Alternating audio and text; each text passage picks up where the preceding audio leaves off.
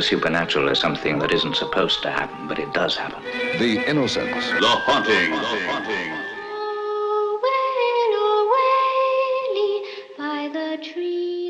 Hallo en welkom bij Julius versus Jasper, de podcast waarin wij, Julius en Jasper, elke aflevering twee films tegenover elkaar zetten en praten over welke er zou mogen blijven in het hypothetische geval dat een van de twee zou moeten verdwijnen. Mijn naam is Julius Koetsier, daar is Jasper ten Hoor. Hallo.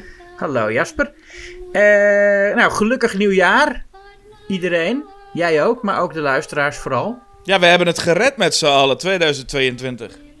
Ja, godverdomme zeg. En uh, uh, ja, nee, inderdaad. En uh, ja, er, er, komt nog, er komt nog echt een terugblikaflevering naar 2021. Maar we, we kijken nog uh, wanneer. Het moet natuurlijk niet te laat worden. Maar... Nee, en wij moeten ook gewoon door ondertussen natuurlijk. Ja, we moeten ook gewoon door inderdaad en over andere films praten. Dus uh, nou, die, die, die, die, die grote terugblikaflevering, deel 2 daarvan met de volledige podcastcast, die komt nog gewoon. Maar wij gaan nu wel weer gewoon lekker twee films tegenover elkaar zetten en praten over welke van de twee er zou moeten verdwijnen. In het hypothetische geval dat dat zou moeten. Je doet de intro gewoon nog een keer. Ja, de, de, traditioneel. Want uh, dat is, ja, nee, maar dat is, dat is nu, dat is namelijk uh, uh, twee films, Jasper. En wat voor films? En wat voor, ja, nou ja, kijk, twee, twee spookfilms uit de jaren 60, gebaseerd op een klassiek boek. Uh, waarin het de vraag is of, of, of, het, of de spoken echt zijn of slechts in de verbeelding van de protagonist bestaan. Uh, die allebei ook nog uh, recent op een Netflix-serie zijn geweest. Ja, daar kwam ik dus echt onlangs pas achter.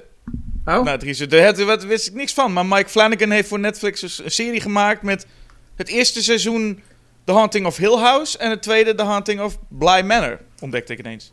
Wist je dat niet? Nee, dat wist ik helemaal oh. niet. Volledig aan mij voorbij gegaan. Jeetje. Ja, de Hunting of Hill House was wel erg goed. Met uh, Michiel Huisman ook zat erin. Ja, hij staat nu, ik, nu, ik zit er nu lekker in, hè. In die, uh, dus ik, ik, ga dit, ik ga die zeker kijken. Ja, die is erg goed. Ja, Hunting of Bly uh, vond ik een stuk minder. Die heeft ook wel... Mike Flanagan heeft altijd een beetje een soort sentimentaliteit... die aan de eindes van zijn films vaak, zeker in zijn, in, zijn, in zijn eerste film nog niet, maar in zijn latere films, de, vaak uh, heel sentimenteel aan het einde worden. En uh, in The Haunting of Hill House was dat al erg. Die laatste aflevering, die is, uh, er komt ook nog een heel stom liedje aan het einde. en in Bly Manor neemt dat ook wel echt de overhand, die, die, die, die sentimentele gedoetjes van hem. Nou, wat nou interessant kan zijn, als ik nou het tegenovergestelde vind, doen we, bespreken we die ooit een keer. En dan zijn de rollen oh, ja. omgedraaid, want jij neemt het nu juist op voor The Innocence. Ja. En ik voor The Haunting. We hadden de titels nog niet genoemd, maar daar waren we nou op weg natuurlijk. Ja, tuurlijk. Maar als eerste, ja, dat noemde het net even over de boeken. Ja. Kun je, heb, je, heb je die toevallig gelezen? Laten we beginnen bij The Innocence dan. Uh, uh, heb je daar, kun je daar iets over zeggen? De, nee, de, turn... de Turn of the Screw heb ik niet gelezen. Nou, dan gaan we daar ook overheen. We zijn over uitgepraat, ja. Ik, ik, ik weet wel dat het een heel uh, belangrijk boek is van Henry James. En, en naast de verfilming uit 61 en ook nog een, een directe verfilming in 2020... Um, dat die ook natuurlijk van groot invloed is geweest op spookhuisfilms in het algemeen. En The Others uit, uh, met, met, met Nicole Kidman uit 2001, als ik me niet vergis, is ook wel door dat boek uh, geïnspireerd. Laten we dan even, zullen laten we in The Innocence maar induiken dan, of niet? Ja, laten we erin duiken, ja. En uh, ja, het begin is meteen iets waar, we, waar je even bij stil kan gaan staan. Want dat is, het begint met gewoon zwart beeld. En een liedje wat een belangrijke rol ook gaat spelen in die film. Oh, ja, Willow Whaley. De...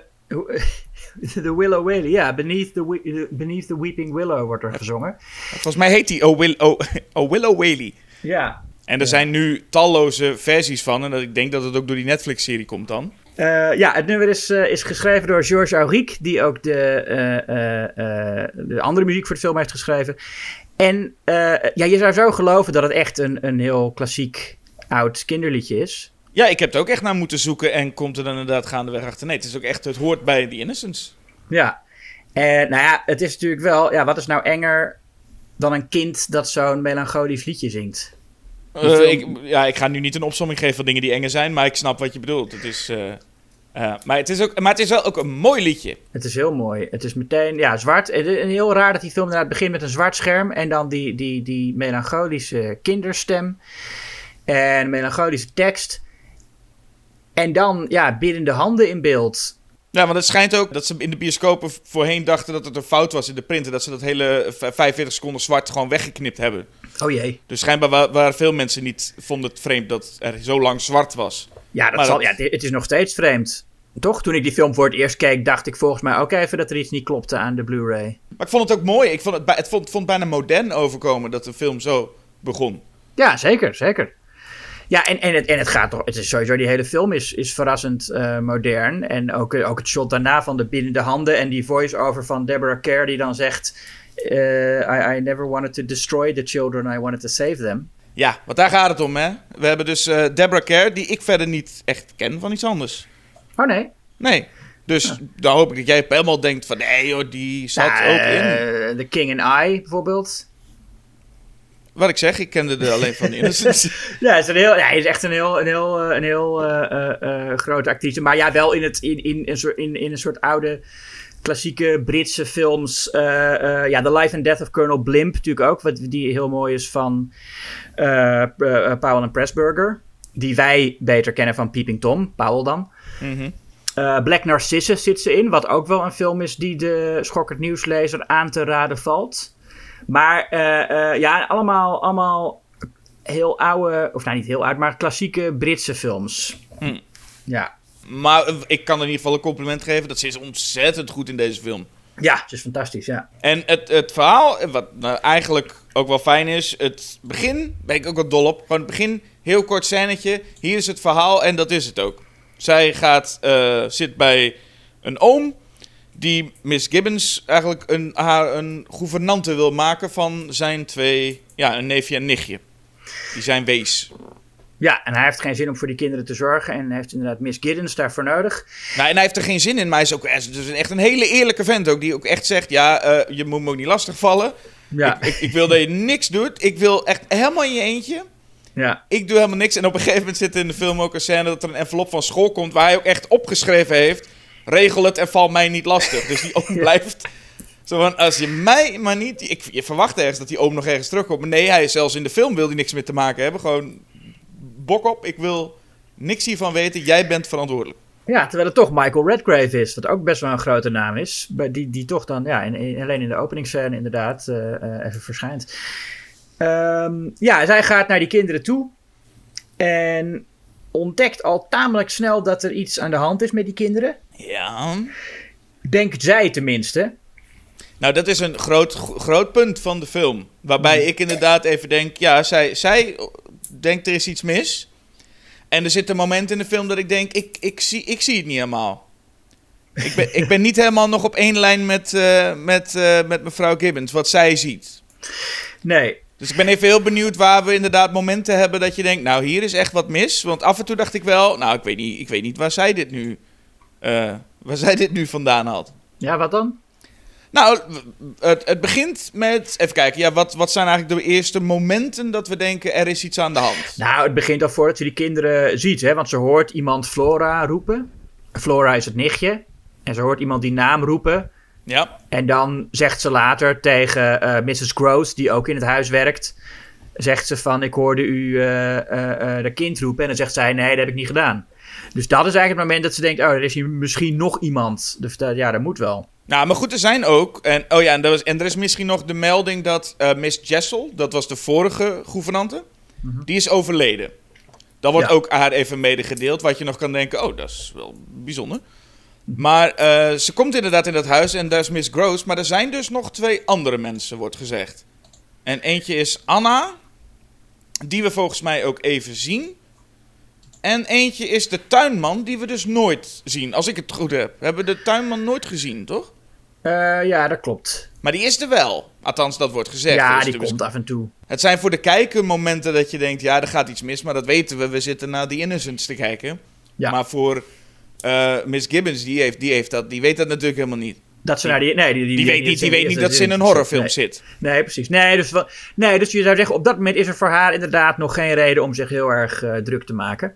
En wat weten we eigenlijk van Miss Gibbons? Want ik weet ook niet. En we gaan zo meteen de vergelijking met The Haunting maken, waarin dat. Nou, wat mij betreft, maar ja, ik neem het ook voor die film op. Haha. Eh, veel, sterker gebeurt. Maar hier, wat weten we eigenlijk van Miss Gibbons? Is zij een beetje paranoïde? Is zij. eh, Nou ja, dat, dat, volgens mij weten we daar niks van. Nee, we, nou, van, we weten wel dat ze eh, eh, Miss Giddens heet. Ten eerste niet Miss Gibbons. Ja, dat heb ik verkeerd in mijn aantekeningen staan dan. Oké, Giddens, co- correctie. Nou, ze, ze spreekt in die film ook niet zo duidelijk uit hoor. Maar eh, eh, ja, dat, Gid- zal, dat zal het geweest zijn. En vast niet mijn slordigheid. Nee, klopt. Eh, nee, maar dat vind ik juist sterk dat we niet weten waar zij vandaan komt. Want we weten inderdaad ook niet. Ze zegt wel, ik hou erg van kinderen. Maar het is ook niet helemaal duidelijk of ze heel veel ervaring heeft met eh, het opvoeden van kinderen of niet. Of met ja, gouvernant te zijn. Nee. En het is ook bewust natuurlijk dat we eh, de, de, de... Laten we de regisseur nu maar even noemen dan. Jack Clayton. Ik, ik, ik, daar hebben we dat ook een keer gezegd. Ehm, eh, dat, dat in het begin... Ja, dat wordt heel subtiel gemaakt. Alle kleine mogelijke enge dingetjes. Zoals bijvoorbeeld Flora, het kleine meisje... dat even uit het raam kijkt in de nacht. Even wat neuriet. En dan glimlacht ze naar iets offscreen. En dat was het. Ja, En dat zijn van die momenten dat je denkt, oh, als je, als je in de juiste vibe zit, dan is dat al heel eng. Of Ja. in ieder geval mysterieus, laat ik het dan zo zeggen. Eng vind ik het nog niet, maar het is mysterieus dat je denkt, ah, wat fijn dat het zo klein is met zijn glimlach naar iets en volgende scène. ja. Ja, en, en dan zie je... Kijk, eh, die, we weten ook wel van Miss Giddens dat zij ehm, emotioneel best wel naïef is. En dat ze ook best wel eh, eh, haar seksualiteit onderdrukt. Zoals je in die tijd natuurlijk heel veel mensen deden. Dat zie je aan die hele performance, die hele rol van, van Deborah Kerr. Alles is, alles, is, alles is een beetje klein en in- in- ingetogen. En je merkt echt dat zij iets onder druk houdt. En ze heeft zo, zulke eenvoudige dingen die ze dan zegt. Over van, eh, weet je, ik, ik hou gewoon heel erg van kinderen. Meer dan van alles. Uh, more than anything, I love children. Dus ja, dat weten we wel van haar. En dan zie je inderdaad eh, eh, in die film al die, die, die, die, die subtiel geschoten. Het is allemaal het opgenomen door Freddie Francis, die later eh, regisseur zou worden voor heel veel Hammer horrorfilms. En die ook nog met David Lynch heeft samengewerkt. En het is in, in CinemaScope opgenomen. Eh, waar Jack Clayton eigenlijk werd hij daar een beetje toe gedwongen. Dat is een heel breed beeld. Maar eh Freddie Francis gebruikt dat om een soort leegte te benadrukken om die Miss Giddens heen. En in die leegte gebeurt ook van alles. Het is echt zo, je, ziet haar een beetje soms verlaten in die shots staan. Ja, en ik vind het, wat ik heel sterk dus ook vind, en dat is dus een beetje het dubbele, door die, ook die shotkeuze. Ik heb de hele tijd, ook met zo'n klein glimlachje van dat kleine meisje, heb je heel erg het gevoel, oké, ik weet dat ik naar een spookhuisfilm kijk. En daarom is dat, werkt dat heel goed. Zeker ook lege shots, dat je ergens in, de, in een hoek gaat kijken, zit daar iets, staat daar iets, loopt daar iets. Ja. En dat werkt heel goed. Dus het is vooral, bij mij is het vooral het feit dat ik me afvraag hoe eh, Miss Giddens dus steeds weet dat ze in een horrorfilm zit aan het begin. Ehm, want zij is, eh, nou ja, Flora is een, is een perfect, leuk, geweldig schattig meisje. Ja. En dan krijgen we Miles. En die is net van school gestuurd. Dus dat zal, eh, dat zal wel een wat rebels jongetje zijn. Maar nee, dat is ook een heel perfect, net jochie. En een, een, een beetje een charmeur. Het is echt een charmeur, ja. En wat, wat de vraag dan een beetje is: van waarom is hij toch van school gestuurd? Oké. Eh, maar dat zijn, het zijn twee van die, eh, nou ja, hele nette kinderen. Ja, Martin Stevens, die Miles speelt, die had trouwens in Village of the Damned eh, al gezeten. Dus daarvan zou je nog kunnen verwachten dat Miss Giddens, als ze die film gezien heeft, zou denken: oh, dit is een beetje een probleem. Nee, maar wat wel, je merkt wel vrij snel dat er inderdaad in de, in de interactie tussen eh, eh, Giddens en Miles zit wel een soort. ehm, ja, een beetje speels flirterig. En daar gaat Miss Giddens zich ook wel zorgen over maken. Dat ze daar zelf aan toegeeft. Ja, het is en, en ehm, wa- wat je zegt trouwens, want het is ook voor die tijd is, want het speelt zich af ergens 1800 zoveel, toch? Deze. film. Ja, eind 19e eeuw, ja. En wat mij vooral nu ook opvalt is, eh, eh, nou, we, we spoilen sowieso de film. Hmm. de- En er is iets mis met de kinderen. En, eh, want ze gedragen zich niet zoals ze zou moeten gedragen. Wat, wat nu heel grappig is, dat hoe, hoe zo ongelooflijk netjes en welbespraakt deze kinderen zijn. Dat Ja. je bijna daaraan kan, zou kunnen denken tegenwoordig dat dat juist een soort bezetenheid is. Want op een gegeven moment is er een klein kinderruzietje. Dat Ja. Flora een beetje om aandacht vraagt. En dan zegt die Miles ook... Oh, zus, je bedelt voor aandacht en nu voor genegenheid, zoiets. ja. En dan denk je, nou, als je, als, je, als je een film van nu zou hebben... dan zou dat het moment zijn waarop op die vrouw denkt van... Oh, ze zijn, ze zijn bezeten. Ja, maar dat is bij, eh, bij, bij Miles sowieso. eh, merk je dat ook wel hoor, als hij zegt van. eh, hij zegt heel vaak my dear. Hij Mhm. noemt uh, kinderen zo vaak my dear en zo. En aan dat soort dingen zou je ook wel kunnen afleiden dat hij misschien inderdaad bezeten is door. We hebben nog maar niet genoemd, maar door Peter Quint. De ook eh dooie. wat was hij eigenlijk, Peter Quint? Wat deed hij daar in het huis? Ja, ge- ik, geen idee. Ja, dat is eigenlijk het verhaal. Peter Quint was er en die had een relatie met die Miss Jessel. En dat was dus de gouvernante Ja. die eh, overleden is. En die hadden een soort eh, dingetje samen. Ja, nou ja, goed. In elk geval dat, dat, dat hij bezeten, dat, dat Miles bezeten is door Peter Quint. Dat zou kunnen verklaren dat hij zo praat. Maar het kan inderdaad ook gewoon zijn dat het eh, een, een, een 19e eeuws jongetje is dat bijzonder wel bespraakt is. Ja, Dat kan ook al doodeng zijn. Ja precies. Nou, dat, maar dat is natuurlijk ook. Dat, en dat hij graag met, met die gouvernante eh, loopt te flirten. En dat eh, Miss Giddens zich dan ook zorgen maakt van... vind ik dit eigenlijk leuk of niet? Hè? Die, die film, die, hij had ook, wa- wat ik, wat ik niet had verwacht... hij kreeg destijds een X-rating. Oh. Ja, vanwege dat thema dus. Mm. Omdat je toch... Het zou best eens kunnen dat Miss Giddens een pedofiel is... die dat hele gedoe van die, die bezetenheid en die geesten gewoon verzint... om eh, haar gevoelens te rechtvaardigen. Nou, er zitten twee eh, scènes, twee, twee shots in de film... waarbij ehm, eh, Miss Giddens en Miles op de mond zoenen. Ja, En dat zal dan inderdaad vrij chockerend geweest zijn. Ook nog, steeds, nog steeds is het eigenlijk wel een beetje akelig om te zien, of raar om te zien. Ja, ja, ik denk dat het nu, als dat nu in een film zou gebeuren, dat er ook eh, veel controverse over zou zijn. Ja. En de, de, de verschijningen, dat begint nog een beetje... Nou ja, wat we al zeiden, het begint dus heel subtiel. En op een gegeven moment ziet Miss Giddens iemand op het dak staan. Dat is eigenlijk de eerste keer dat zij een persoon ziet. Ja, En ik had nog niet de tuinman gezien. Zij schijnbaar al wel, dus ze kon al herkennen dat het niet de tuinman was. Dus Ik, waarom die op het dak staat, weet ik ook niet. Maar in ieder geval, zij vindt het ook heel vreemd dat er iemand op het dak staat. Gaat naar boven en ziet dan... Die, de man is verdwenen, maar Miles is wel op het dak. ja. En zij vindt dat dan meteen heel vreemd. Waarbij Miles de, de, de, de, de goede tekst heeft met... Nou, mevrouw Giddens, ik hoop dat je geen bril moet, want daar bent u veel te mooi voor. Ja, oh, ja. Dat zijn ook heftige opmerkingen hoor. Ja, nou ja, ja, dat is ook weer dat. Ja. Kijk, hij is 12, hè? En hij heeft natuurlijk ook geen andere vrouwen in zijn leven. En ik weet trouwens wel dat in het boek is Miss Giddens een jaar of twintig. En Deborah Kerr was eh, een jaar of veertig toen ze hier speelde. Dus ze hebben er wel flink ouder gemaakt. Mm. Maar goed, eh, zij is de, een beetje de enige volwassen vrouw in het leven van dat 12-jarige jongetje dat net begint eh, te puberen. En hij heeft ook alleen maar die Peter Quint als, als, als, als voorbeeld van een man in zijn leven gehad. Of nou, hij is natuurlijk naar school geweest, maar hij heeft, ja, hij heeft zijn vader nooit gekend en die oom is afwezig. Dus zijn voornaamste mannelijke rolmodel zal die, die, die Peter Quint geweest zijn. Waarvan we weten dat het een behoorlijk seksistische en ook wel gewelddadige vent was. Nou, Dus op dat- den duur toch krijgen we dat te weten. In het begin weten Ja, we dat ja nee, niet. precies. Maar dat, dat Miles dus zo ehm, wel eens extravert is in zijn, in zijn flirten, dat is ook wel daardoor te verklaren. Ja, want op een gegeven moment krijgen we ze meer te zien. En daar zitten ook een paar hele goede effecten in. Met een van de bekendste en een heel goed effect is als zij zich, en Miss Giddens zich verstopt. Ze spelen verstoppertje, dan weet je ook al, spookhuisfilm. Oh jee, ze spelen verstoppertje. En ze Ja. achter een gordijn staat en dan hè, Peter Quint achter haar door het glas zo verschijnt. Ja, dat is een heel gaaf shot inderdaad. Want hij begint, is hij helemaal verscholen in de schaduw buiten. En dan langzaam maar zeker komt zijn gezicht dichterbij en meer in het licht.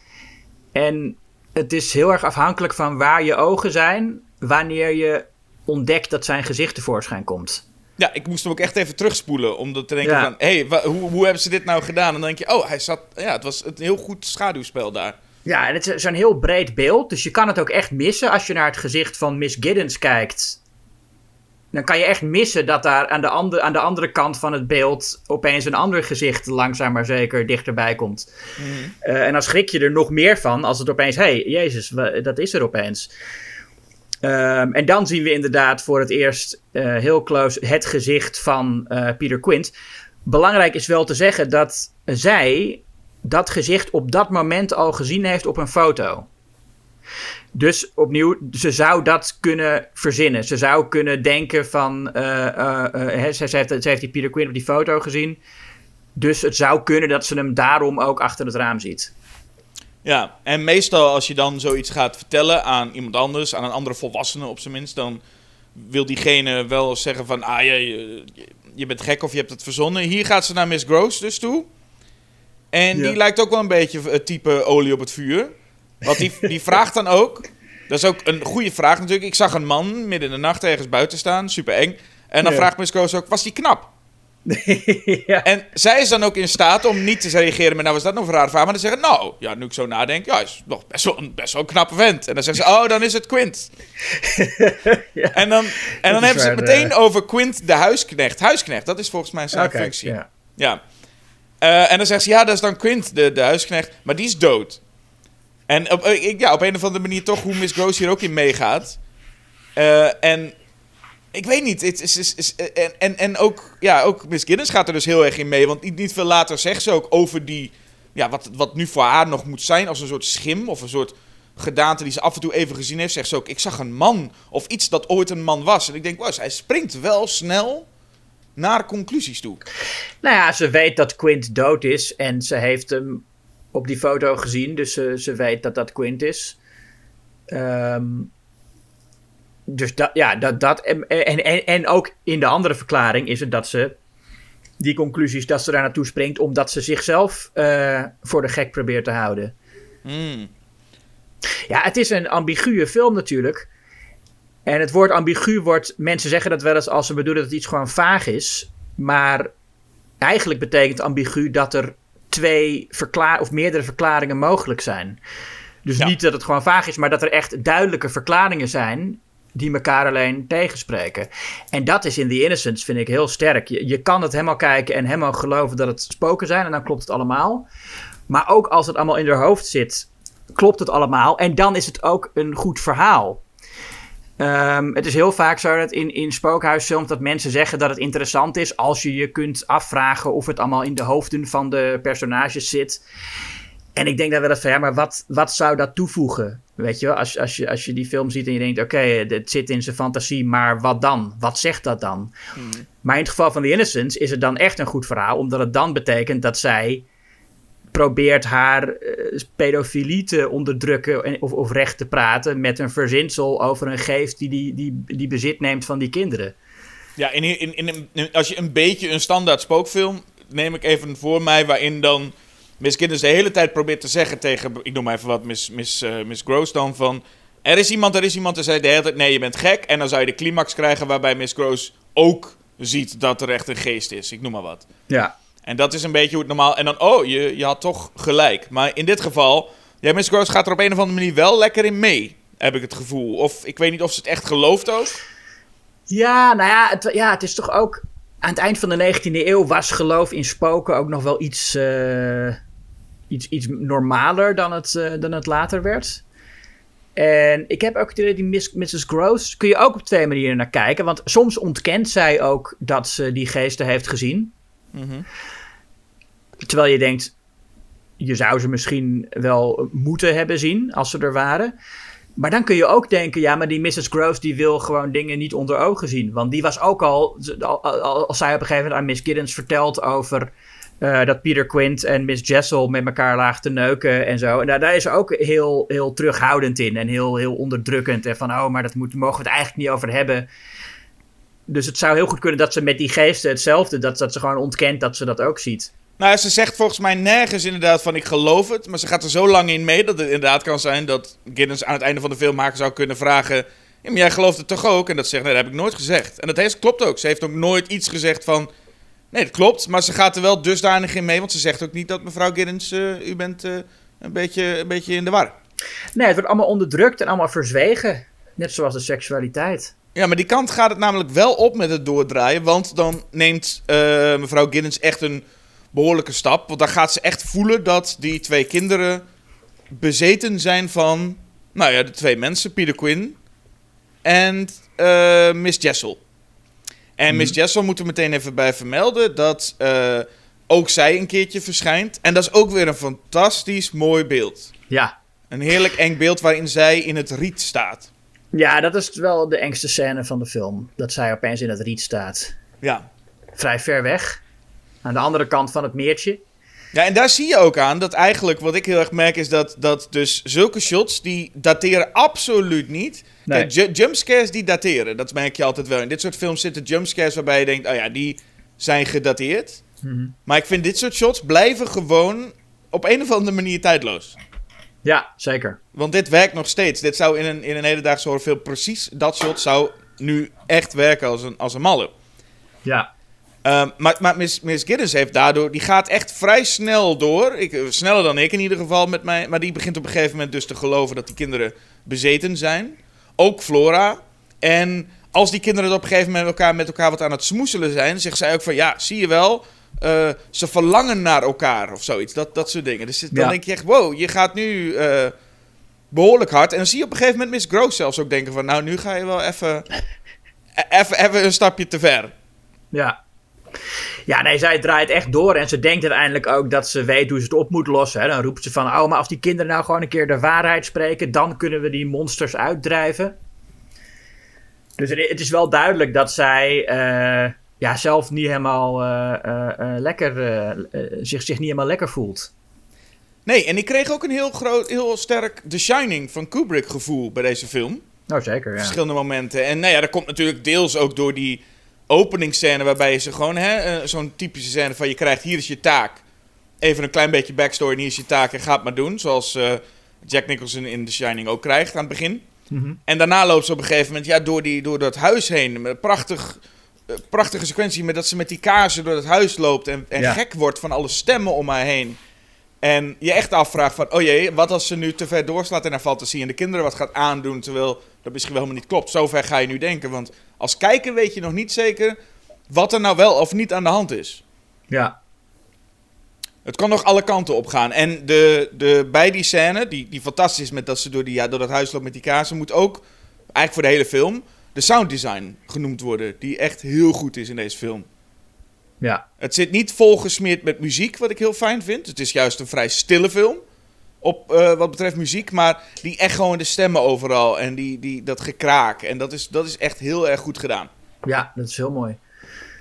En, en ook heel duidelijk een grote invloed op eh, heel veel volgende spookhuisfilms. Want de spookhuisfilm als genre was in die tijd, nou ja, je had wel The Uninvited in 1945. Dat is misschien een beetje de eerste van dit soort. En in de jaren 50 had je natuurlijk wel een paar van die William Castle films. Mhm. Maar, en, maar dat waren beetje ja, pret-horrorfilms met ook eh, eh, allemaal, allemaal leuke gimmicks en zo. Dat wordt een Maar- beetje spookhuis zoals je het spookhuis kent van de kermis. Ja, precies. Met, met, met, met skeletten die door de, door de ruimte vliegen en zo. En wat in die tijd ook nog, wat William Castle echt in een bioscoop ook liet doen. Dat er zo'n skelet aan een, eh, aan een kabelbaan echt door de zaal eh, werd eh, geslingerd. Ehm, maar dit is, ja, dit is dan natuurlijk andere koek, zoals ze dat eh, zo mooi zeggen in het Nederlands. Nou ja, en wat er natuurlijk volgens mij tegenwoordig ook nog steeds gebeurt. Er zijn nog steeds films waarbij een, een bepaald publiek zou zeggen... Wat een saai film, want er gebeurt niks. Ja. Waarbij een ander deel van een, een ander deel zegt weer... Oh, wat was dit juist eng, want er gebeurde niet zoveel. Of bijna niks. Ja, je ziet niks. Dat, is- dat is dat, de, de cliché-uitspraak van mensen die dan eh, het over inderdaad horrorfilms hebben. Wat je niet ziet is het engste. Ik kan die uitspraak op een gegeven moment ook niet meer horen, want ja, dat iedereen die. Het eerste wat je zeg maar leert als je een beetje je in, in horror gaat verdiepen is, is dat. En dan zegt iedereen dat en dan denkt iedereen daarmee iets heel eh, bijzonders te zeggen. Maar ja, het is, het, is, het is natuurlijk wel waar. Ja, het is jammer dat je dat niet kan ontkrachten met... Nee, het is eigenlijk niet Ja. zo, hè. Dat wil je gewoon nu. Nou, je kan het wel een beetje ontkrachten in, die- in die zin dat eh, films van Lucio Fulci of zo ook gewoon eh, goed zijn. Ja, niet eng of zo, maar dat vind ik ook, eh, ook goede horror. En daar is het juist effectief omdat je het ziet. Ja. Ehm, Dus dat, dat kan zeker. Er zijn heel veel horrorfilms die effectief zijn, juist omdat ze veel laten zien. Nou, en het is ook een beetje, laten we eerlijk zijn, het is ook een, als je zegt je ziet niks, dat is, of het is enger wat je niet ziet, dat is natuurlijk ook niet helemaal waar. Zo'n shot als dat die eh, eh, Miss Jessel in het riet, wat dan zie je.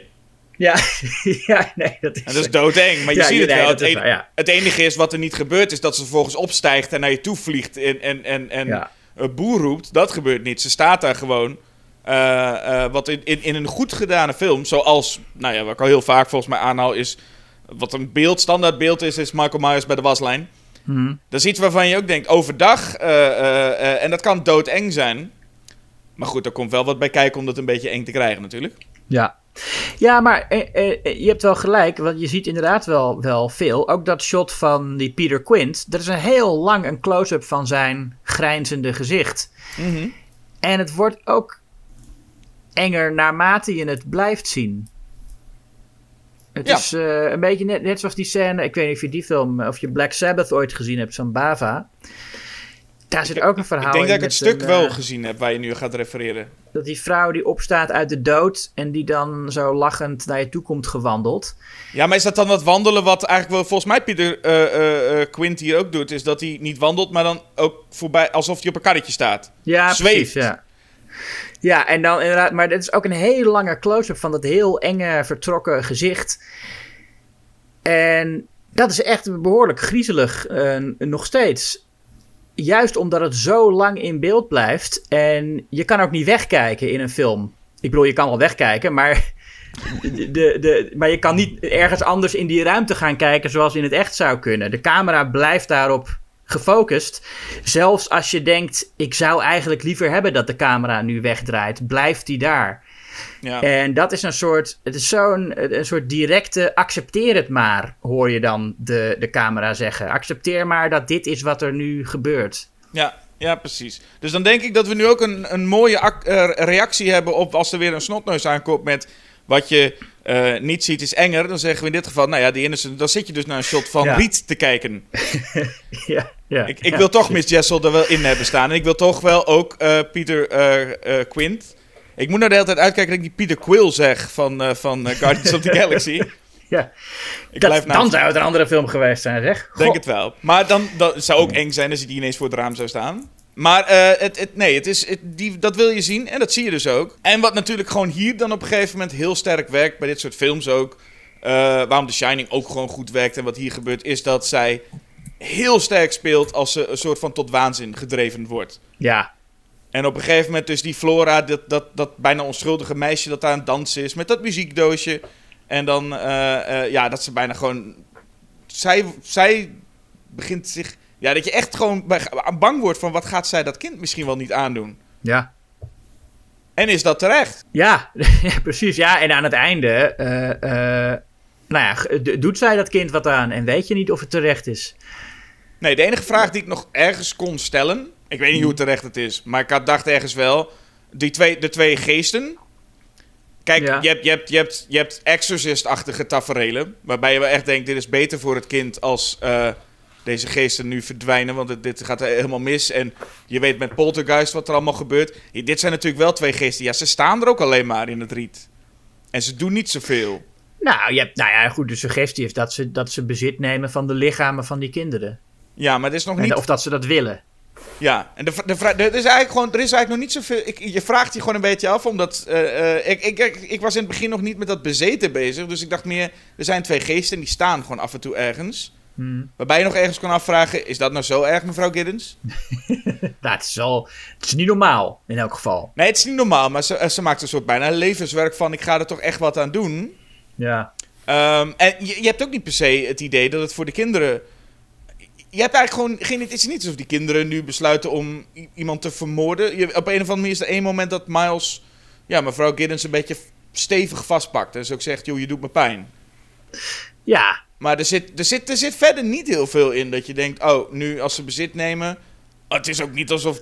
eh, hoe heet dat? Eh, ze bezit nemen van de kinderen en dan kunnen ze aan het moorden slaan of zo. Je hebt eigenlijk geen idee of dat nou, hoe slecht het zou aflopen als het doemscenario van mevrouw Giddens waar zou zijn. Nee, nou ja, kijk, die, die, die, die Quint, Ja, die, die is volgens mij wel tot, in elk geval tot geweld in staat. En dat is ook een beetje de suggestie dat dat dan ook de reden is dat eh, eh, Miles haar inderdaad stevig bij de nek grijpt en, en een beetje bij, bijna wurgt. En dan wel half speels, maar ook... Nou ja, dat is ook een beetje dat ambigu, hè, dat je dat, dat ook niet zeker weet. Ehm, ik weet niet of... Ik denk dat wat, wat Quint gewoon zou doen als hij Miles is... is gewoon weer ja, opgroeien als Miles, maar dan als Quint. En dat is al erg genoeg. Dat is, yes, dat is al echt genoeg zo'n vuilbek.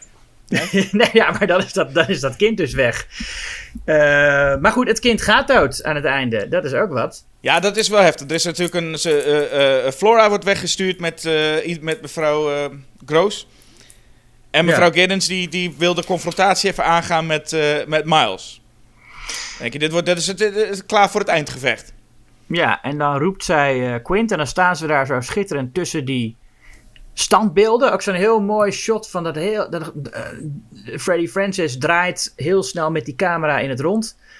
En eh, nou ja, terwijl Giddens dus doordraait. Ehm, maar dat is niet... Dat is alleen in het Nederlands werkt die woordspeling, want in het Engels zeg je dat niet zo. maar het, het symboliseert natuurlijk wel een beetje haar, haar gekte.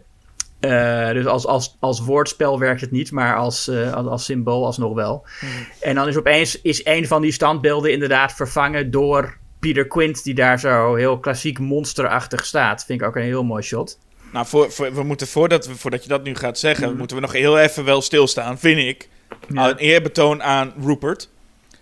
Rupert de schildpad, die echt. eh, Ach, Eh, ja, die door Miles in de handen wordt genomen. Dat is het, het huisdier eigenlijk van, van Flora. En ik weet niet waar Rupert het aan verdiend heeft. Maar vanaf dat moment dacht ik wel... Oké, nu is Peter Quint wel te ver gegaan. ja. Peter Quint, eh, ja, eh, want dan wordt Rupert toch echt met een... Met een enorme gang uit het raam gemieterd. ja, Dus, eh, Door Ja. het raam zelfs. arme Rupert. Ja, dat is toch even. Dus even bij deze een, een kleine eerbetoon aan Rupert de, de, de schildpad. Ja. Maar dan is het inderdaad ja, het moment waarop eh, eh, Miss Giddens ook volledig overtuigd is. En ik weet niet welk boek ze heeft gelezen. Maar ze is overtuigd dat, ze de, dat de kleine Miles de naam moet zeggen van Peter eh, Quint. En dan is hij weg. Nou, ik denk zij, zij is zo van je moet het benoemen en dan pas kun je het oplossen. En dat is op zich ook wel een begrijpelijke gedachte. En het gaat dus weer over dat onderdrukken van eh, eh, gevoelens die niet naar buiten mogen komen. Hij zegt, je, ze zegt van je moet, je moet gewoon eerst moet je eerlijk toegeven wat er aan de hand is. En dan pas kunnen we er iets aan gaan doen. Nou, Oké, het gaat dieper bedoel je dan dat wat eigenlijk gezegd wordt. Is meer gewoon zeg zijn naam en hij verdwijnt. Want ik zat heel erg te denken hoe zij bij die theorie kwam. Met ja, dat, dat is ook een gok. Ik weet niet of, ze- of, ze, of ze denkt dat dat letterlijk zo gaat. Dat hij alleen maar die naam hoeft te zeggen en dat hij dan weggaat. Maar het is wel zo. Maar Het werkt wel.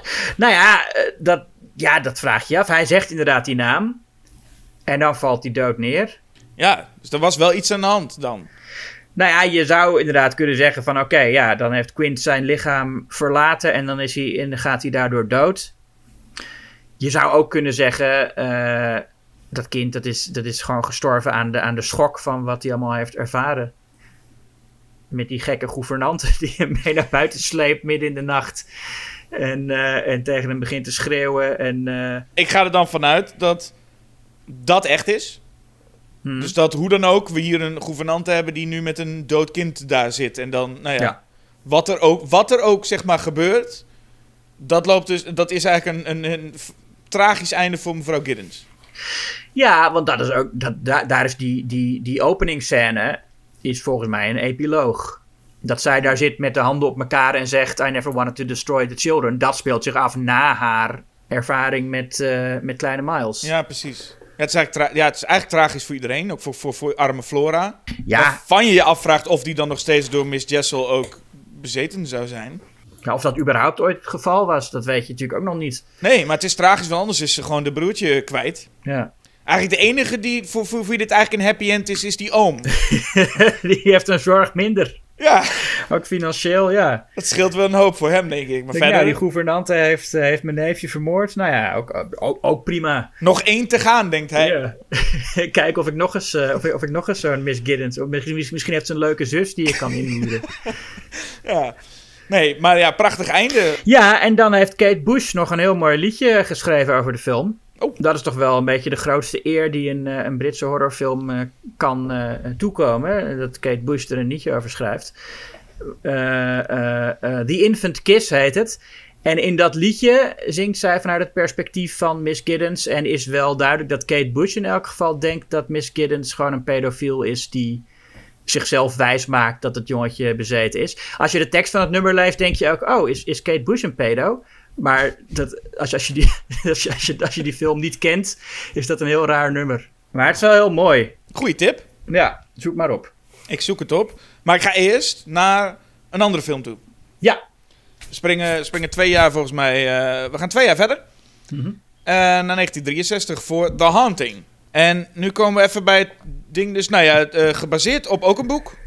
En die heb jij als het goed is wel gelezen. Althans, dat zei, je zei net dat je die andere niet had gelezen. als het goed is, heb ik inderdaad The Haunting of Hill House wel gelezen. Ja, Van Shirley Jackson. Ja, eh, ja, Shirley Jackson is misschien wel de belangrijkste horrorschrijver van de 20e eeuw. Misschien zij, misschien Lovecraft, ja, misschien ook Stephen King. Maar ik denk dat zij heeft wel de, in elk geval eh, literair gezien de hoogste status van die drie.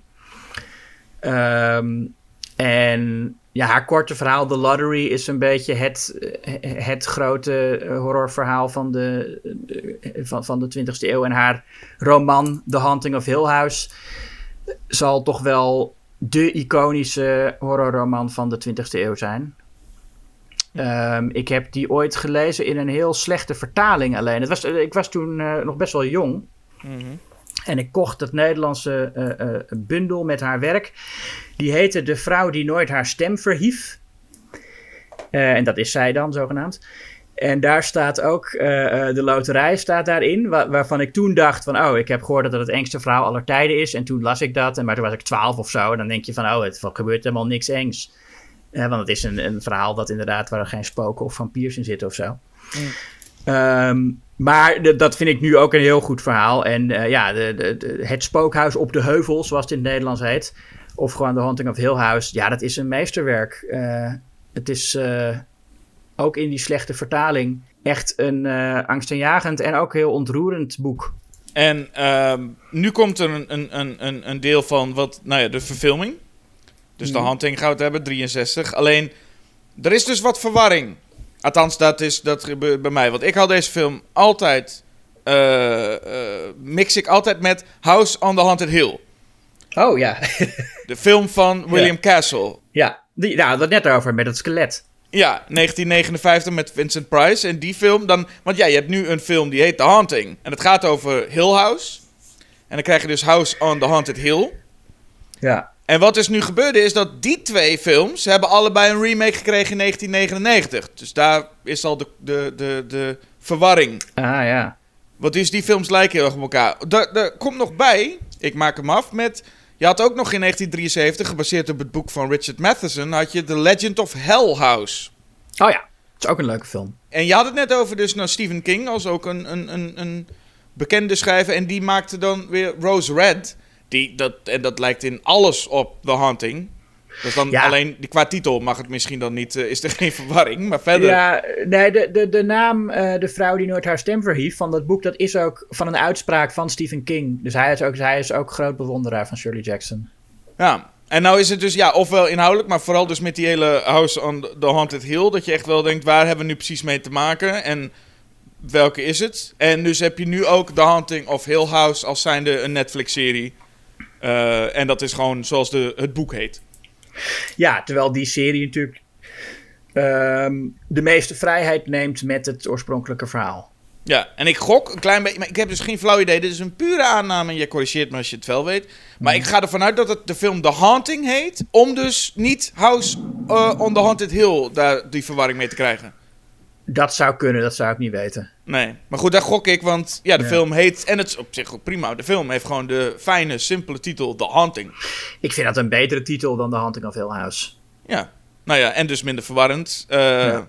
Dus dat scheelt een hoop. Nou, laten we daarin duiken. Ja, En wat ik eigenlijk al zei bij The Innocents, dat is hier ook zeker het geval. Eh, en daar, dat, ja, dat blijft gewoon zo ontzettend fijn. Lekker, vlot openingetje waar alles even neergezet wordt. oh ja. En hierbij hebben we, in tegenstelling tot The Innocents, waarbij we heel lang kunnen denken: is het wel, is het niet, wat is het precies en hoezo? Is hier gewoon eh, Dr. John Markway, gespeeld door Richard Johnson, die ons in een hele leuke voice-over, vind ik, eh, vertelt over de geschiedenis van een spookhuis. Het spookhuis eh, Hill House. En dan mag dan verder ook gewoon, ja, daar, zien we een stukje geschiedenis, maar we weten ook meteen dat we het gewoon gaan hebben over een, een spookhuis. Ja, het is wat minder, eh, wat minder literair dan de, dan de opening van het boek, vind ik. Want het is deels hetzelfde. Het is van een evil old house. Dat, dat zegt, dat is die voice-over. An evil old house, the kind some people call haunted, is like an undiscovered country waiting to be explored. Ja, Ja, dan denk je een beetje, nou, dat weet ik niet.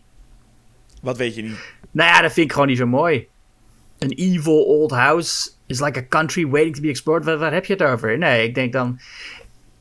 Kijk, dat, dat, dat, la- dat einde vind ik mooi hoor. Van eh, eh, eh, whatever walked there, walked alone.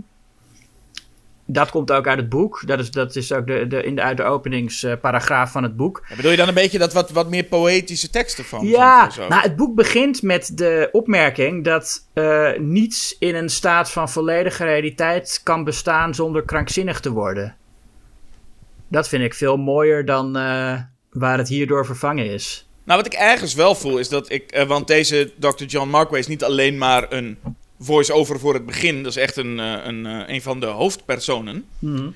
En wat ik wel fijn vind aan die voice-over. Hij vertelt ook met enigszins plezier deze voice-over. Hij vertelt gewoon vrij enthousiast aan de kijker als een persoon. Dus niet in enorme poëzie. Maar gewoon in, vertelt hij eventjes hoe het allemaal zit. En ik merkte juist in dat.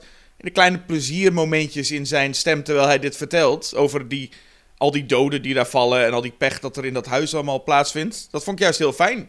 Ja, oh ja, ja, dat hij de geschiedenis van het huis uiteenzet, dat, is, dat vind ik ook wel fijn. Ja, en dat doet hij ook wel echt met een, op, een, op een leuke manier. Ik heb echt, en ook, ja, hij vertelt ook gaandeweg. Hè? Het is natuurlijk, er is er geen voice-over meer van hem, maar vertelt hij andere verhalen dat ik echt denk, oh, deze man is een, een fijne verteller, deze Richard Johnson. En het is fijn dat de dokter die onderzoek doet, dat die niet sceptisch is. Dat de dokter in principe gewoon gelooft dat geesten bestaan. Ja, want dat is waar het onderzoek ook over gaat. Hij wil eh, eh, gewoon dat onderzoeken en hij, hij roept ook mensen op om eh, naar het huis toe te komen. En in, in, in je gedachten zou je denken, of althans dat voelt het nu, dat je een soort clue-achtig iets krijgt met een hele grote groep mensen, waarvan er een paar sceptisch zijn en een paar dit en een paar dat. En het is een heel klein clubje, gelukkig. Ja, En dat geeft ons de tijd om iets meer die mensen te leren kennen. En de belangrijkste is eh, eh, Eleanor Lance. Mhm. Gespeeld door Julie. Harris. Eleanor Eleanor Vance. Vance? Is Oh, dat, nee. wat is, wat nee, is nee, nee, sorry, je hebt gelijk. Nee, Je Lance. kunt me niet de hele tijd gaan corrigeren met de achternaam van hoofdpersonen. Waarom dacht ik nou Vance? Bob Vance, Vance Refrigeration. Ja, nee, Eleanor Lance, dat was het. Ja, sorry. Ik heb niet altijd, ik heb niet altijd ongelijk. Zij woont, ik weet even niet precies, ze woont bij haar zus, geloof ik. En, eh, en diens, eh, diens man. En haar moeder is net overleden. Ja. En ehm, ja, meteen al heel fijn, dat is eigenlijk een, in tegenstelling tot eh, eh, Miss Giddens, leren we eigenlijk hier ons hoofdpersonage, want dat is eh, Eleanor, meteen echt kennen. Wat voor Ja. type het is, waar ze mee te maken heeft. Eh, en dat ze vooral niet goed op de plek zit en dus graag ook weg wil. En dat doet ze onder meer door de auto eh, te, te, nou, te stelen. Eigenlijk de auto te nemen van, eh, van haar zus. En er Ja. vandoor te gaan. Eh, en dan krijg je dus ook, want dat is de hele film, daarom weten we vooral dat ook dat het een hoofdpersoon is. Zij, wordt, haar- zij krijgt een eigen voice-over. Haar gedachten worden eh, in voice-over aan ons verteld. Ja, beetje te veel, vind ik. Wellicht wel wat te veel, ja, klopt. Trouwens, eh, eh, eh, Miss Giddens had ook een beetje voice-over in The Innocents. Heel even. Maar eh, ja, bij, bij Eleanor gaat het ook wel ver dat ze ook dingen zegt die je gewoon kunt zien. Als ze zo door het huis loopt en ze schrikt ergens van en dan hoor je zo... Talk about being scared of your own shadow. Pull yourself together. Denk, ja, Ah, dat kan nog wel gewoon een stem in je hoofd zijn die zegt: Kom op, joh, doe even. ja, dat... nee, tuurlijk, dat kan wel een stem in je hoofd zijn, maar dat, dat, dat zie je ook gewoon aan hoe ze speelt. En dat zie je ook. Ik bedoel, de, eh, eh, Julie Harris, die speelt dat. Dus het is helemaal niet nodig dat ze dat, je, dat, ze dat ook nog vertelt. Mm, ja, oké. Ja, daar zit wel wat in. Ik moet vooral zeggen, en ik, ik zit nu te bedenken, volgens mij is dat helemaal niet zo. De, de, de moment dat ze die auto dus eh, steelt, even tussen aanhalingstekens, daar gaat ze ermee vandoor. Mhm. Eh, en het deed me heel erg denken aan Psycho. Ja. Maar ik zit me nou heel erg te bedenken, heeft nou, heeft nou, zit in Psycho nou ook een interne monoloog, een voice-over? Of heb ik dat nou bedacht? Nou, als ik nu zo.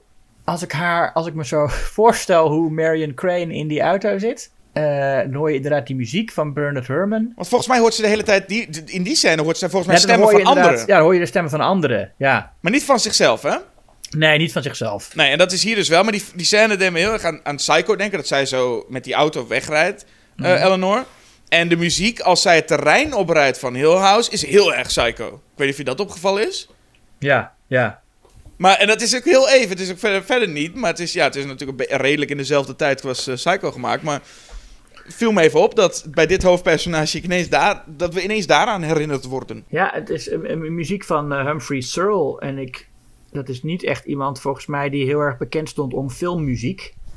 Ik eh, ken hem althans van weinig. Hij, hij, hij heeft heel veel, hij heeft wel veel muziek geschreven, maar weinig voor film. Zo te zien. Hmm. En nou, daar zijn we in het huis. En eh, daar eh, komen de andere eh, nou ja, personen dan. We hebben dus de dokter gehad, hè, de, eh, ehm, John Markway. Daar is dus Eleanor. En dan hebben we nog twee personages die zich erbij toevoegen. De eerste is Theo. Gespeeld door Claire Bloom. Ja, En Theo, dat is wel een... ja, dat is ook wel iemand, hè? nou, dat is ook wel iemand. Je bent daar net zo voorzichtig als, eh, als, als die film met het benoemen van. nou, dat is ook weer een gelijkenis tussen de Hunting en is natuurlijk taboe eh, seksualiteit. Ja, dat, dat wordt ook niet uitgesproken in dit geval. Nee, precies, maar wel een hevige suggestie dat Theo zich aangetrokken voelt tot Eleanor. Eh, dat zij lesbisch is, of, of, of biseksueel natuurlijk.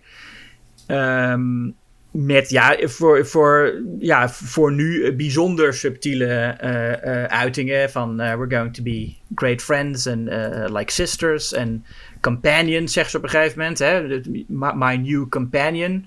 Maar het is ook vooral de gezichtsuitdrukkingen die, die Claire Bloom daarbij maakt, die communiceren wat ze er eigenlijk mee bedoelt. En nou is het, nou is het bij mij zo dat ik weet van.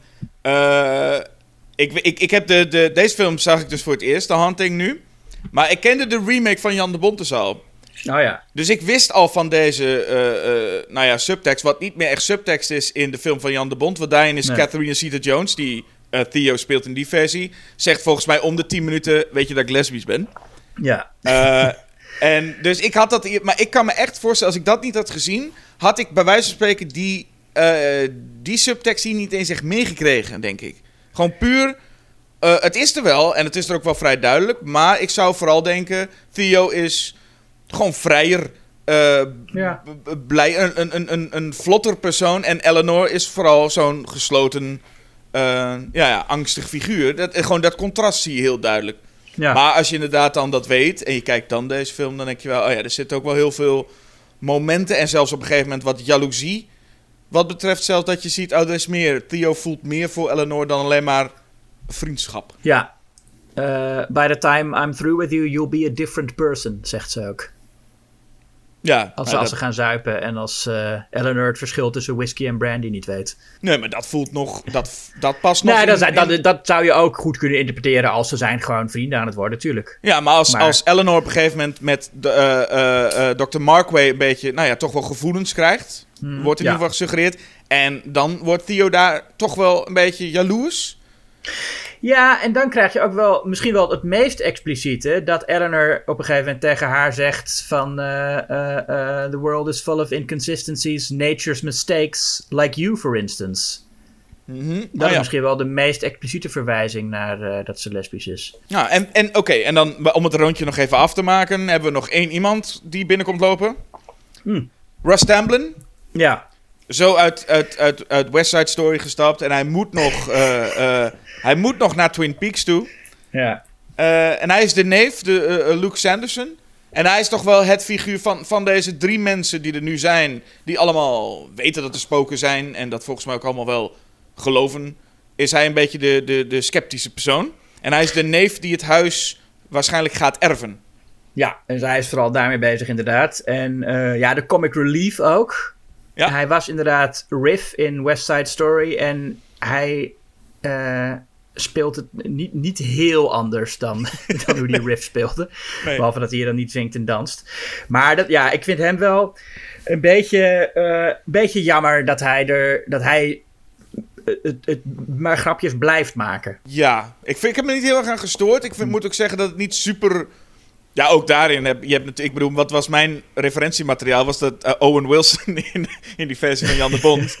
Ja. Dus op zich eh, eh, was dit Ja. best prima. Maar het is, wat ik, ja, het is wel zo dat hij heeft echt één duidelijke taak op een gegeven moment. Want op een gegeven moment loopt hij elke kamer binnen. En Mhm. dan zegt hij bij elke kamer... Oeh, dit gaat me wel flink wat opleveren als ik het verkoop. Ja, En dan zit hij allemaal in de bibliotheek en dan zegt hij... Oh, die boeken, die zullen wel zoveel cent per stuk waard zijn. Nou ja, op een gegeven moment denk je... Ja, ik weet het wel, jij bent hier alleen maar voor de... eh, om het te verkopen. Maar ik merk toch aan het einde...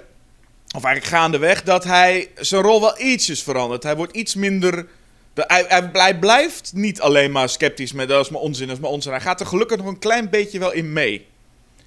ja, maar uiteindelijk als ze dan oh, in, in, in de me- een van de meest spannende scènes... en dan zijn ze er allemaal een beetje van overtuigd dat het echt spookt... en dan zegt hij... Doc, I'll give you the house for cheap. Eh, ja, ja, ja, ja, dat da- is dan toch... Ja. Het was ook, ook een modern grapje. Ik zie dat zo in de trailers voorbij komen aan het einde Oh van ja, de, naar nee, de titel. natuurlijk. In, in, in al die Marvel-films eh, stikt het van dat soort regels. Ja. Ja, toch? Maar dat Dat vind is, ik, ook, vind ik ook heel vervelend. ja, maar dan voor, voor 63 denk je, ah, good for you dat, je dat, eh, dat jullie dat deden. ja. Daar had het Hey. ook moeten stoppen. Nou, we trouwens eh, West Side Story genoemd hebben, is het misschien ook een moment om te zeggen dat Robert Wise ook Ah. West Side Story heeft gemaakt. En eh, Sound of Music en eh, deze film en The Day the Earth Stood Still en Star Trek The Motion Picture. Nou ja, best wel veel echte klassiekers. Nou, en ook een beetje onder het mom dat je denkt, die Robert Wise dacht ook, je gaat mij niet in een hokje stoppen, mensen. Nee, en misschien, dat is misschien ook wel de reden dat hij niet in het, in, het, in het echte rijtje van de echte grootmeester staat of zo. Die toch meer gezien wordt als iemand die gewoon een soort vakman was die van alles kon maken. En die niet echt een eigen stijl had of eigen thema's, maar inderdaad gewoon een heel, ja, een heel begaafd vakman was. En het is grappig wat je zegt. Want je, ja, zoals jij het zegt, dus zo bedoel je het niet. Maar wat je Mhm. zegt, zo'n man die een beetje van alles kan maken. En dan eigenlijk denkt, dat klinkt bijna nog... Hè, wat, wat, dat, oh, dat kan iedereen.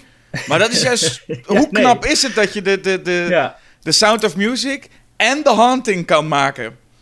Ja, ik vind het ook een, misschien wel een beetje een achterhaald idee dat de grote auteurs één vaste stijl hebben. Dat, dat, dat is natuurlijk eh, een beetje in die auteurtheorie is dat nu hoe serieus genomen regisseurs gezien moeten worden en dat ze vaste thema's moeten hebben. Maar nee, ik denk dat je ook een groot regisseur kan zijn als je dat eh, helemaal niet hebt. Nou, nee, ik, Ik, wil las, zeggen... ik moet wel zeggen, ik las de recensie van Walter Shaw van de West Side Story remake van Spielberg. Mhm. En daarin merkte eh, Walter Shaw op dat ehm, volgens hem alle films van Robert Wise misschien beter zouden zijn als ze door Spielberg geregisseerd zouden zijn. En ik denk dat daar misschien wel wat in zit. Nou, oké, we weten dat Jan de Bond The Haunting heeft geregisseerd. Maar Spielberg heeft er wel iets mee te maken gehad, hè? Oh, is dat zo? Executive producer. Je weet niet hoe belangrijk eh, eh, dat per se is. Maar executive producer van The Haunting. Ja, nou oké. Oké. Dus, en nu dat zo zegt, ik kan me inderdaad wel voorstellen dat Spielberg toch juist een, een naam is die een beetje in de buurt van Robert Wise kan komen. Wat betreft de diversiteit. Ja, ja, zeker. Ja. Dat je denkt, iemand die E.T., ik, ik noem nu even Poltergeist, maar, of Duel, of zo. Nou ja, gewoon dat, dat, hele, dat hele werk van hem. Eh, waar we binnenkort eh, overigens in een podcast op terug zullen komen, dus daarover meer. ja. Maar nee, dat dit inderdaad echt een man is waarvan je denkt, als je, die, de, als je ziet wat voor films hij gemaakt heeft, dat je denkt, hoe, hoe is het mogelijk? Ja, Eigenlijk. Ja. Dus, en nou ja, hoe is het mogelijk bij deze ook? Want hij maakt dus een film als The Haunting ook oprecht eng. Ja. En, of vooral, ik moet vooral zeggen, denk ik, spannend. Er zit namelijk geen shot, wat mij betreft, in zoals bij The Innocents met eh, eh, eh, die mevrouw in het riet. Om het maar even zo te zeggen. Ja. Maar hier zit wel veel spanning echt in. En dat is bijvoorbeeld die, dat gebonk op de muren in de nacht. Eh, ja, dat is, dat is wel heel erg goed gedaan. Ja, nou, voor de hunting geldt inderdaad wel echt dat het eng is dat je niks ziet. Want hier zie je inderdaad niks. Je, ja, je ziet een deurklink bewegen, maar het is vooral wat je hoort dat eh, griezelig is. En dat is inderdaad dat keiharde gebonk. Ja. Ehm, en ja, die ene uitspraak van Eleanor. Die scène die in heel veel films natuurlijk nagedaan is. eh, eh, die dat natuurlijk wel daarvoor in, eh, in, in, in, in verhalen al voorkwam. Maar die, voor zover ik weet, in elk geval in deze film de meest iconische scène is dat Eleanor op bed ligt en denkt dat eh, Theo haar hand vasthoudt. Ja, En dat ze uiteindelijk uit- dan aan het einde ziet dat Theo een eind verderop ligt en zegt: Who was holding my hand? dat is ook een beetje, of dat is ook een behoorlijk cliché geworden, toch? Ja, enorm. Ja. Ja, ik, zelfs ik schreef dat toen ik eh 12 was in mijn horrorscript. Van eh, dat er twee mensen in een donkere gang staan en dat de een tegen de ander zegt: Je knijpt in mijn hand. En dan denk ik: Hou je hand helemaal niet vast hoor. Ja, en dat is Ja. het volgens mij niet alleen horror, ook comedy. Eh, Oh ja. hè, Ja, met, inmiddels, wie, ja. met wie. eh, Oh, oh, ja. oh wat, wat lik je lekker aan mijn ballen en dan komt er iemand, dan komt die vriendin juist binnen, ik noem maar wat. Oh, oh, wat lik je lekker aan mijn ballen. Ja, dat zeg je dan inderdaad. Dat zeggen mensen toch? Ja, en, en, en inderdaad, eh, heel veel eh, broodje aap verhalen van inderdaad dat je aan je, hand, aan je hand gelikt wordt door je hond, denk je dan, maar dan was een vent. En dan was, je hond, en dan was je hond dood, zeg maar. Ja, Ja, ja. Dat, ja dat idee. Maar goed, dus een, een, eh, een hele goed uitgevoerde scène hier ook. Ja. Dus ik snap waarom, ik snap waarom dit een cliché is geworden. ja, en ik vraag me af of mensen het toen door hadden. Want nu heb je wel vrij snel door als je Eleanor ziet. En je hoort er tegen Theo praten. Het feit dat je dus alleen maar Eleanor ziet, dat je, je snapt dan wel meteen van, oh, Theo is daar helemaal niet. Ik vraag me af of mensen dat in de jaren zestig ook eh, door hadden of niet. We gaan er toch altijd vanuit dat mensen, mensen vroeger dom waren. Dus Ja, zullen allemaal denken, huh? Ja, nee, ik denk dat inderdaad. We moeten onthouden dat mensen toen ook wel nadachten. En ook wel. Ja, waarschijnlijk ook wel gedacht zullen hebben van. Nou, er zit hier een addertje onder het gras. Die Theo Nou, die ligt een eind verderop te slapen. En dat, is natuurlijk het, het- en dat is natuurlijk het mooie van zo'n effect als dit. Mhm. Het is niet zo dat je pas hoeft te wachten tot, het tot de conclusie komt met... Oh, nu vind ik het eng. Want ook Nee. als je op dat moment weet... Ja, maar zij ligt daar helemaal niet. En toch houdt iemand de hand vast. Terwijl zij dan... Eleanor dan lekker aan doorraad is met... Oh, je je mag mijn hand best vasthouden. Oh, dat doe je ook best goed. Oh, je knijpt wel een beetje hard. Dan kun je alsnog dat eng vinden. Omdat je gewoon weet dat het niet zo is. Ja, juist dan, denk ik. Juist als je weet dat het niet zo is. is- anders is het. Dan denk je gewoon, oh, ze ligt daar lekker met Theo. Ja, dan is het niet eng. Nee, Nou, dat is ook wel eng, dat is ook wel spannend. Maar dat is niet zo eng als, als wanneer je denkt, inderdaad, daar ligt een andere entiteit eh, in de hand te knijpen. Ik denk dat dat preutse jaren 60 publiek het nog enger vond als ze er wel lag. Wat is dit nou hand in hand? maar wat nu interessant is ook aan. eh, ehm, nou ja, het zijn dan, dan de, de eh, twee vrouwen, dus Eleanor en Theo, die dus dan bang zijn van het gebonk. Maar wat ik heel mooi en ook fijn vind aan dat, het, nou ja, dat we toch een beetje afstappen van die stereotypen, is dat als de twee mannen binnenkomen, dat de dames ook niet helemaal, eh, helemaal gestrest naar ze toe rennen en zeggen: Oh, help ons. Maar dat ze dan ook gewoon een beetje in lachen uitbarsten met z'n Ja. tweeën. En dat vind ik zo fijn, een reactie. Zo, ook zo, zo oprecht en echt. En ook fijn voor hun personages. Dat het gewoon. Oh ja, wat, wat, oh, wat, we waren elkaar even lekker aan het bang maken, punt. Ja, het is ook echt gezellig dan. Dat vind ik ook wel. Het, ik vind The Haunting is naast een effectief enge film ook echt een lekker gezellige film. Ja, ze hebben het wel leuk samen, ja. Ja, maar ook om te kijken is hij lekker gezellig. Een, gezellige ook. spookhuisfilm. En wat dus ook heel fijn is, Eleanor is, eh, nou ja, ook wel een interessant personage. Want zij houdt ergens van spanning en ergens niet. Het is een heel fijn dubbel persoon. Ja. Want zij wil, zij, zij, op een gegeven moment zegt die dokter iets. Ik weet niet precies welk, wat de tekst was, maar iets van. Oh, dat gebonk, dat zou ook iets van ondergronds iets kunnen zijn. En dan zegt ze ook iets van: Ik hoop het niet. Want ze vindt het ook ergens wel mooi.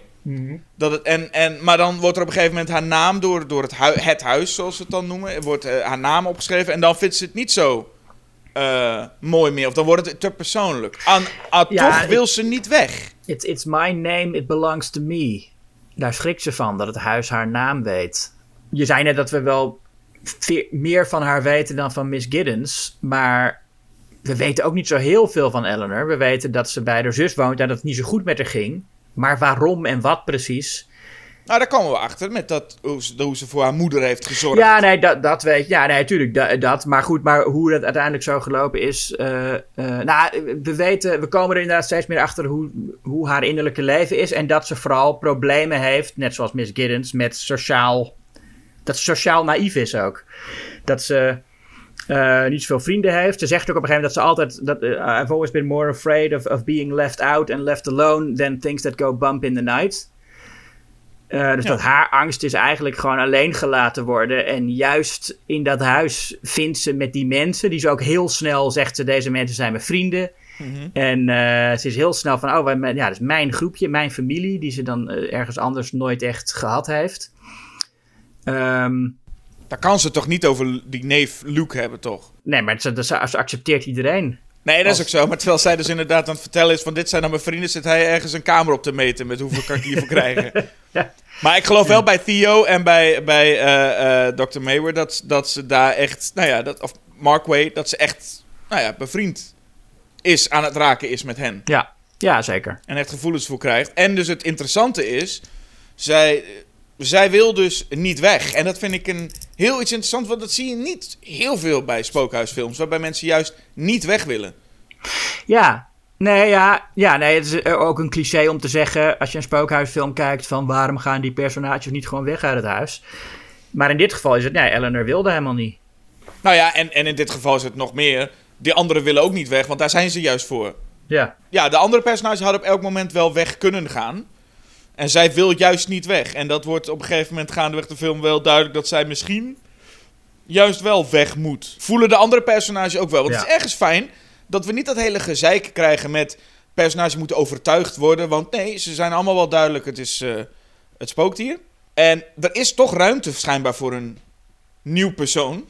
Wat niet per se het sterkste deel is. Maar er is in, in, in één keer komt de vrouw van eh, eh, Mark, Markway erbij. Ja, dat vind ik eh, een beetje jammer wat daar allemaal gebeurt. En dat, ik snap op zich wel haar aanwezigheid als een soort. eh, zo- zodat er ook momenten zijn dat eh, Eleanor nog iemand kan zien. Ik bedoel dat, dat ze dus. Want, want die vrouw. Haar voornaamste functie is volgens mij dat zij een paar spookverschijningen veroorzaakt.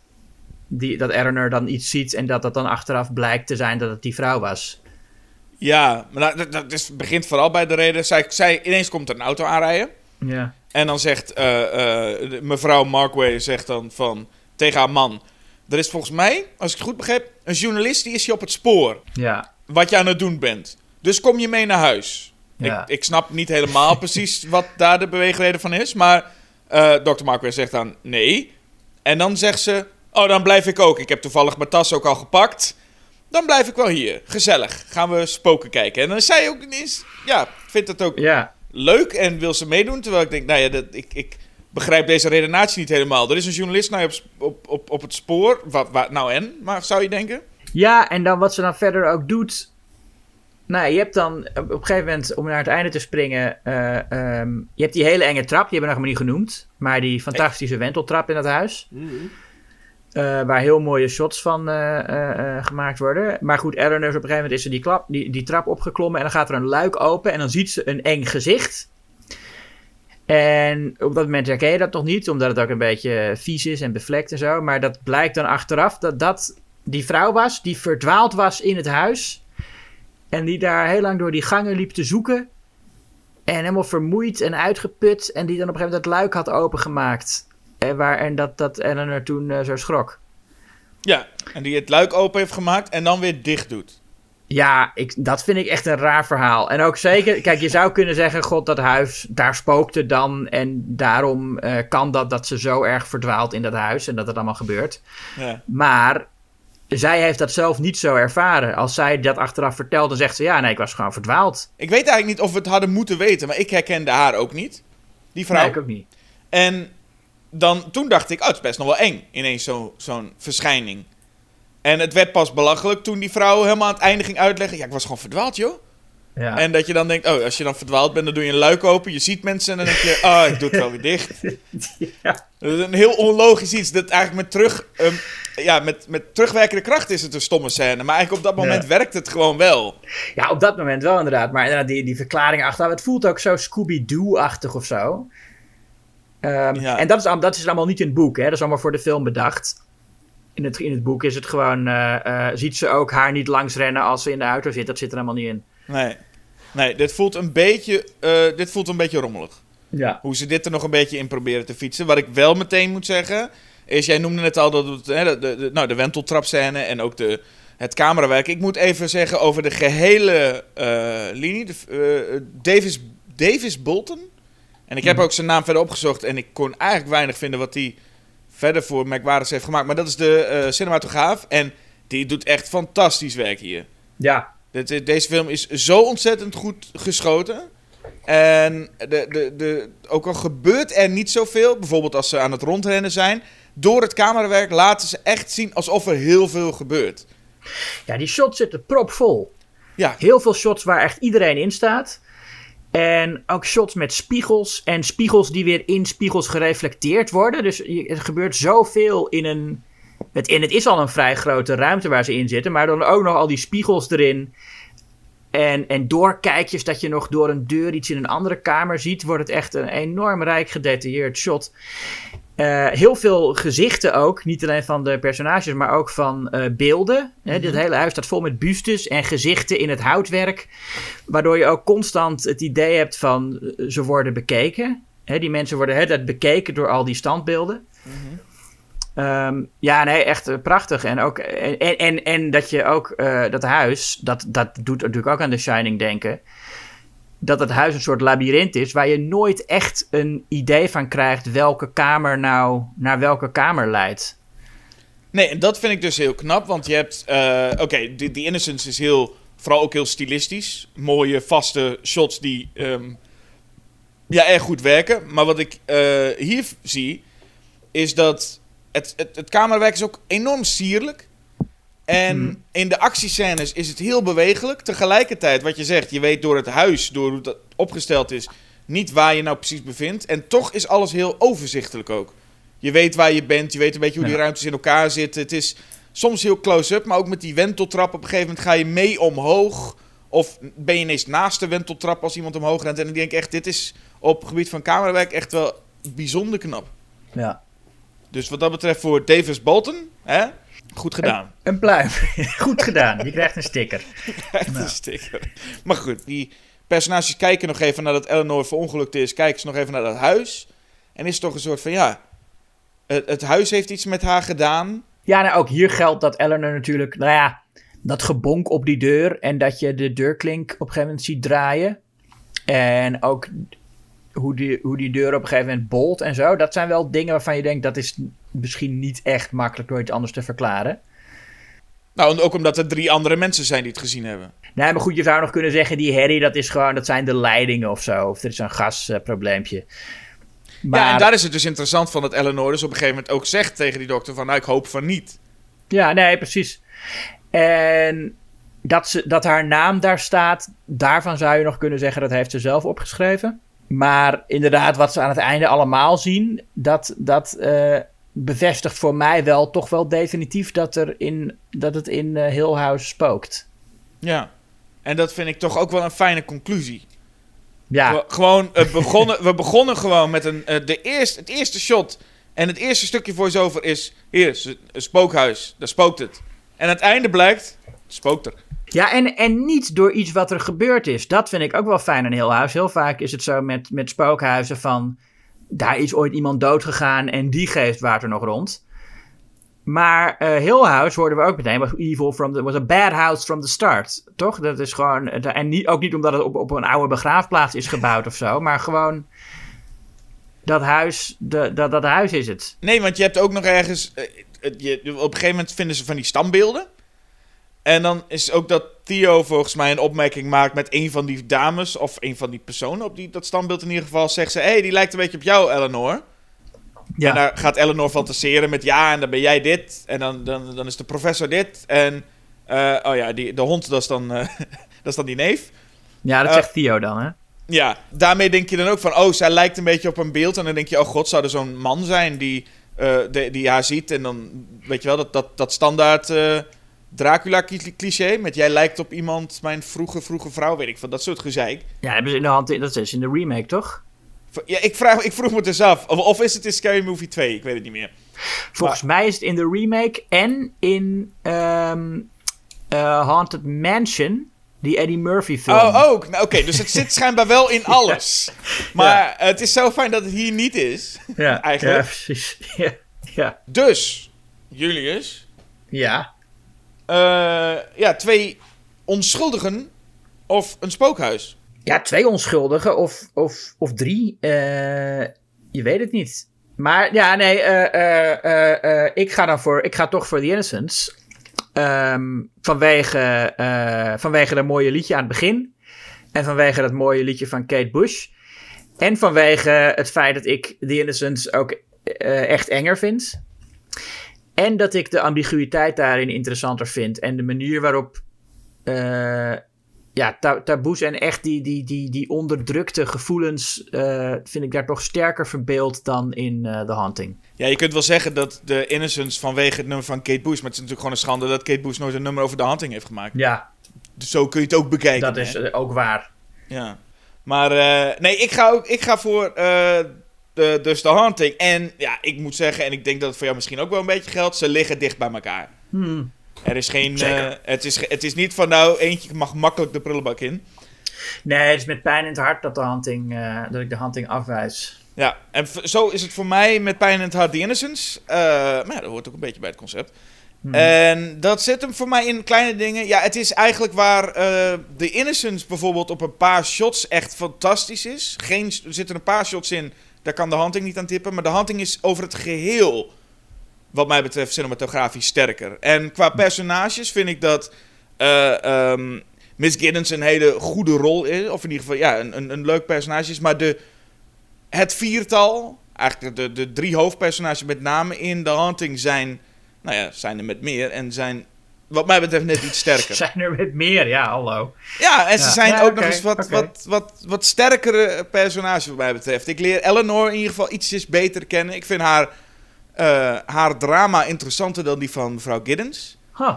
Ehm er zijn klein, ik zit, er zijn echt broodkruimels waar ik nu mee bezig ben hoor. Dus wat dat Mhm. betreft zit ik echt te zoeken naar.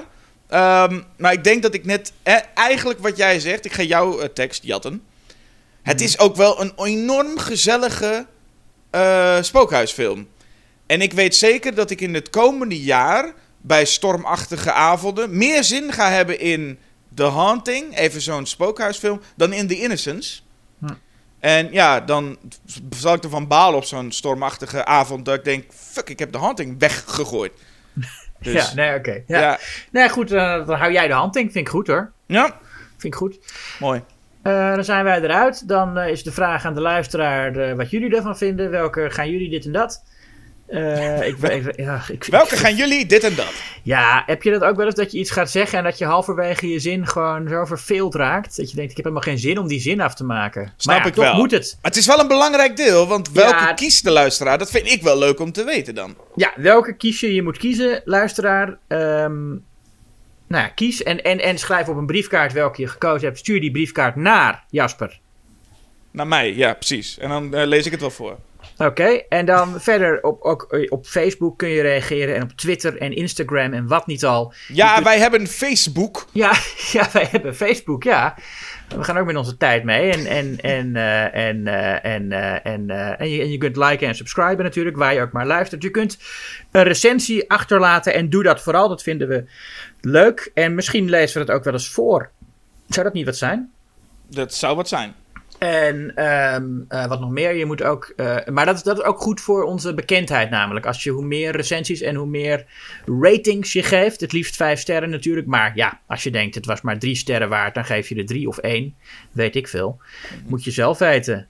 Als jij het allemaal zo goed weet. Ja, waar bemoeien wij ons eigenlijk ook mee? Ja, Jezus, doe het gewoon zelf. Nou ja, ik kan het. Nou ja, oké. Eh, we zijn nu op een punt waar ik dan klaar ben met dit zeggen. En we door moeten naar de vraag: Jasper, wat gaan we volgende keer doen? Ja, en nu kunnen we net doen alsof ik... Zo'n toneelstukje waarin ik bedenk... Oh, je had het net over die. Zullen we dan die? Maar we weten het al lang. Eh, jij noemde Steven Spielberg. Ja, Eh, dus ik zeg Steven Spielberg. En laten we dan twee science fiction films van Steven Spielberg tegenover elkaar zetten.